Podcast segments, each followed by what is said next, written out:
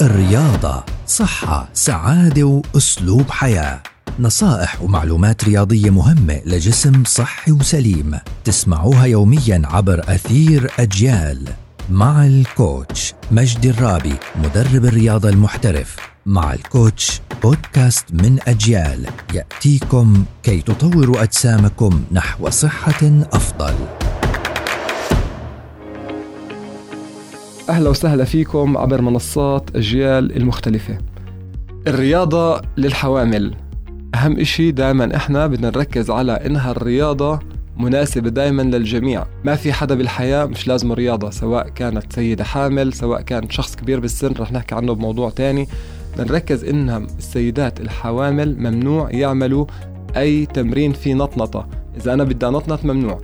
فاحنا دائما نركز إنه أي تمرين والله باسكت بول كرة طائرة هاي الأشياء ممنوعة كليا. المشي جدا مهم السباحة جدا مهمة. حمل الأثقال الخفيفة بنقدر نسويهم. أثقال خفيفة عم نحكي على كيلو أو 2 كيلو أقصى حد. أما نركز على الأوزان العالية فهذا الحكي لا مش صحيح أبدا.